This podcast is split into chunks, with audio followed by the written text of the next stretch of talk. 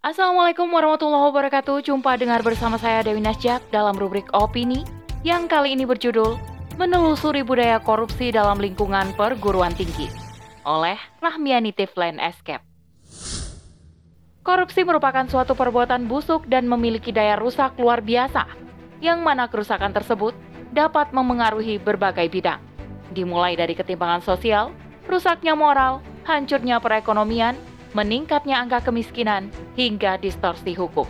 Terlebih, ketika hal tersebut dilakukan di lingkungan pendidikan tinggi, yang notabene merupakan tempat mencetak para ilmuwan.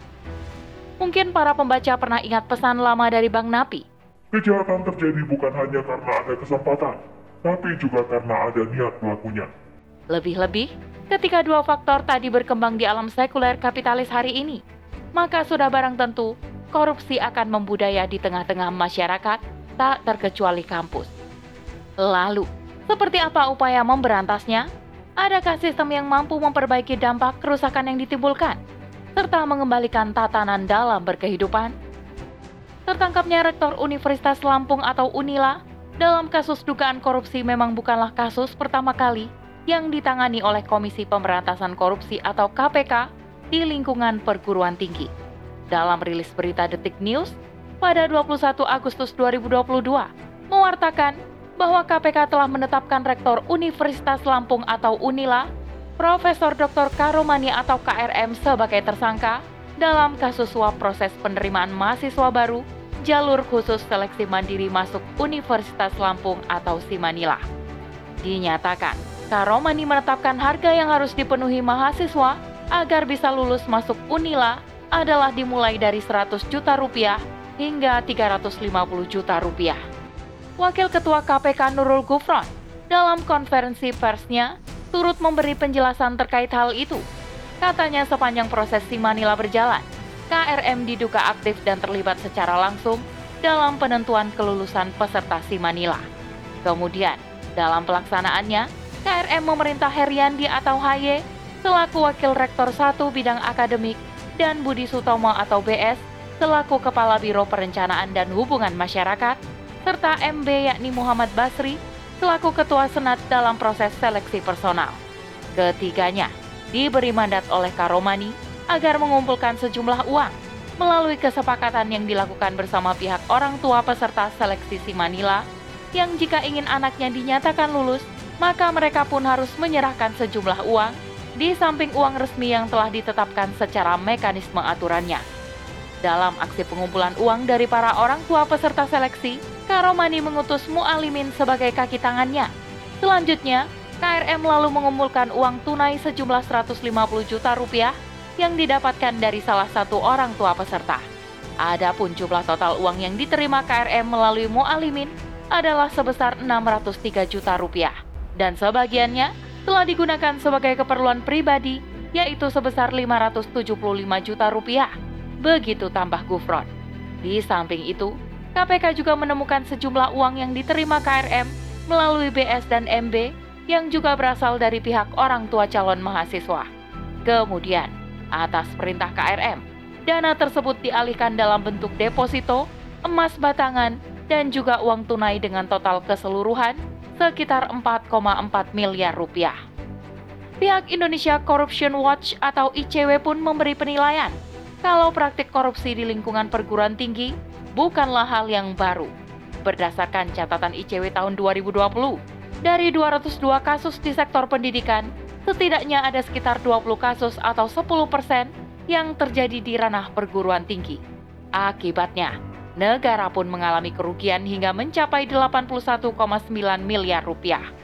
Modus yang kerap terjadi di perguruan tinggi juga bervariasi, antara lain korupsi pengadaan barang dan jasa, korupsi dana hibah, dana penelitian, hingga beasiswa. Kemudian, diikuti pula dengan praktek suap menyuap, terlebih saat menjelang pemilihan dekan dan rektor, pun dalam program akreditasi perguruan tinggi. Kondisi ini sungguh sangat memprihatinkan. Bagaimana tidak, institusi yang seharusnya menjadi tempat ditanamkannya nilai-nilai luhur seperti moral, kejujuran, keadilan, dan budi pekerti, tapi ternyata sama sekali tidak mencerminkan hal itu. Di samping itu, Dampak yang ditimbulkan dari korupsi di perguruan tinggi ini tidak hanya sebatas pada kerugian negara, melainkan akan memperburuk kualitas pendidikan itu sendiri, termasuk output yang dihasilkan. Mengingat saat ini kita hidup di alam sekuler kapitalisme, maka korupsi sudah menjadi hal yang lumrah adanya. Dengan kata lain, kasus korupsi tidak lagi menjadi persoalan individu melainkan sistemis. Sebagai perbandingan, negara yang menjadi kampion demokrasi kapitalis Amerika Serikat pun tengah menghadapi permasalahan korupsi yang sangat besar. Artinya, ini menandakan penerapan sistem demokrasi dan korpor. Artinya, ini menandakan penerapan sistem demokrasi dan korporatokrasi memang menjadi akar masalah kasus korupsi dan praktek-praktek kecurangan lainnya. Sejatinya, kerusakan yang ditimbulkan oleh demokrasi kapitalisme tidak hanya bermasalah pada tataran implementasi saja, akan tetapi sistem ini pun telah cacat dari lahirnya.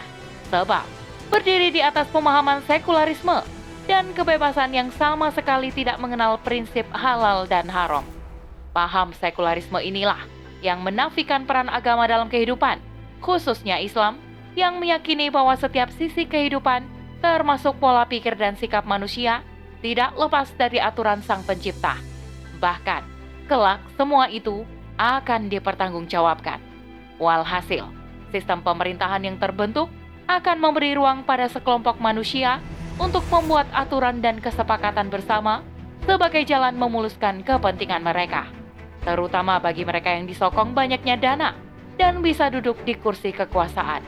Sekularisme pun melahirkan ide-ide batil seperti liberalisme, pluralisme, dan juga paham permisif yang menjadi sebab mandulnya sistem kontrol sosial. Bahkan berpengaruh pada kebijakan negara yang disetting untuk mengakomodasi semua kepentingan termasuk ranah perguruan tinggi. Untuk itu, sistem ini sebenarnya tidak patut dipertahankan.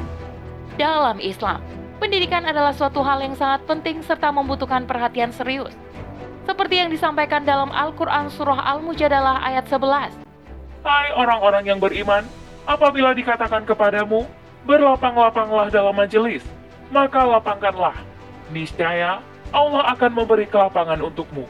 Dan apabila dikatakan, berdirilah kamu, maka berdirilah niscaya Allah akan meninggikan orang-orang yang beriman di antaramu dan orang-orang yang diberi ilmu pengetahuan beberapa derajat.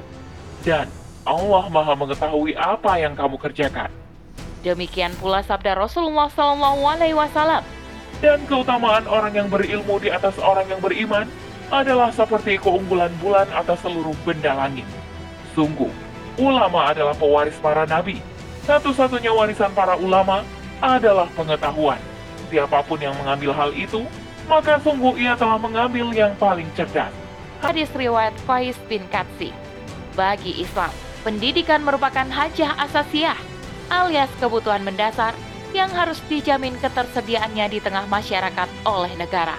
Terlebih peran seorang pemimpin dalam sistem Islam adalah sebagai pengurus urusan rakyatnya.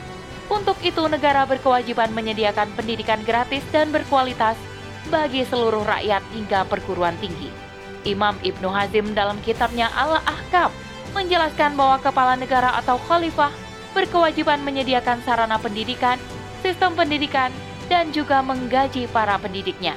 Yang mana tujuan pendidikan dalam Islam adalah membentuk kepribadian Islami dan membekali peserta didik dengan berbagai ilmu dan pengetahuan yang berhubungan dengan urusan hidupnya, khusus untuk perguruan tinggi pendalaman, dan pengkristalan kepribadian Islam dilakukan kepada mahasiswa. Selain itu, perguruan tinggi pun memiliki tujuan, yaitu mencetak para ahli dan spesialis di seluruh bidang kehidupan guna mewujudkan kemaslahatan masyarakat. Mempersiapkan tenaga ahli yang diperlukan untuk mengatur urusan masyarakat seperti kodi, ahli fikih, saintis, insinyur, dokter, perawat, dan sebagainya. Keberhasilan khilafah dalam membangun sains dan teknologi telah terbukti selama hampir 13 abad. Keberhasilan yang begitu spektakuler ini tidak lepas dari visi misi pemerintah yang orisinil dan kuat. Terwujudnya negara yang benar, yaitu negara yang menerapkan Islam secara menyeluruh. Hal ini tampak pada sejumlah aspek, di antaranya pertama, desain politik Islam dan perguruan tinggi yang mulia dan memuliakan. Lagi pula, Islam memandang ilmu bukan komoditas dan faktor produksi, akan tetapi ia adalah jiwa kehidupan. Kedua, desain riset negara khilafah adalah selaras dengan politik dalam dan luar negeri yang menyejahterakan serta memuliakan manusia. Ketiga, konsep anggaran pendidikan yang wajib diadakan oleh negara. Keempat, desain industri yang mewujudkan kemandirian negara di bidang itu. Sejarah khilafah telah membuktikan dan meniscayakan lahirnya para ilmuwan unggul, di antaranya Labana yang berasal dari Cordova. Ia adalah seorang ahli matematika dan sastra di abad ke-10 Masehi. Ia pun mampu memecahkan masalah geometrik dan aljabar yang paling kompleks. Pengetahuannya pun luas serta mampu berliterasi secara umum, yang mana semua itu diperoleh dari pekerjaannya, yaitu sebagai sekretaris Khalifah Al-Hakim II. Tak sampai di situ, ada pula Maryam Al-Atsurlabi Al-Ijiliyah yang juga merupakan ilmuwan dan penemu di abad ke-10 Masehi. Ia merancang astrolog yang digunakan dalam menentukan posisi matahari serta navigasi. Desainnya yang sangat inovatif mengantarkannya pada pekerjaan di mana ia diangkat oleh penguasa di kota asalnya itu. Ada pula Lubena yang berasal dari Andalusia. Ia pun merupakan penyair yang hidup di abad ke-10 dia juga unggul dalam bidang tata bahasa, retorika, dan matematika serta kaligrafi, dan salah satu sekretaris kepala negara yang memegang posisi sebagai korespondensi resmi. Yang terakhir, ada Fatimah Al-Fihri, yaitu seorang muslimah asal Tunisia dan juga merupakan seorang rektor pertama dari universitas pertama di dunia. Dialah pendiri Universitas Al-Karawin di Fes, Maroko, sebuah universitas yang dibangun tahun 859 Masehi, jauh sebelum lahirnya Al-Azhar, Cambridge, Harvard, maupun Oxford. Maka jelaslah bahwa mengembalikan khilafah Islamiyah adalah suatu kewajiban dan juga kebutuhan dunia yang sangat mendesak, termasuk di dalamnya mengembalikan fungsi perguruan tinggi sebagaimana mestinya, serta memperbaiki tatanan dalam bermasyarakat sebagai akibat dari rusaknya sistem demokrasi kapitalisme. والله أعلم بصواب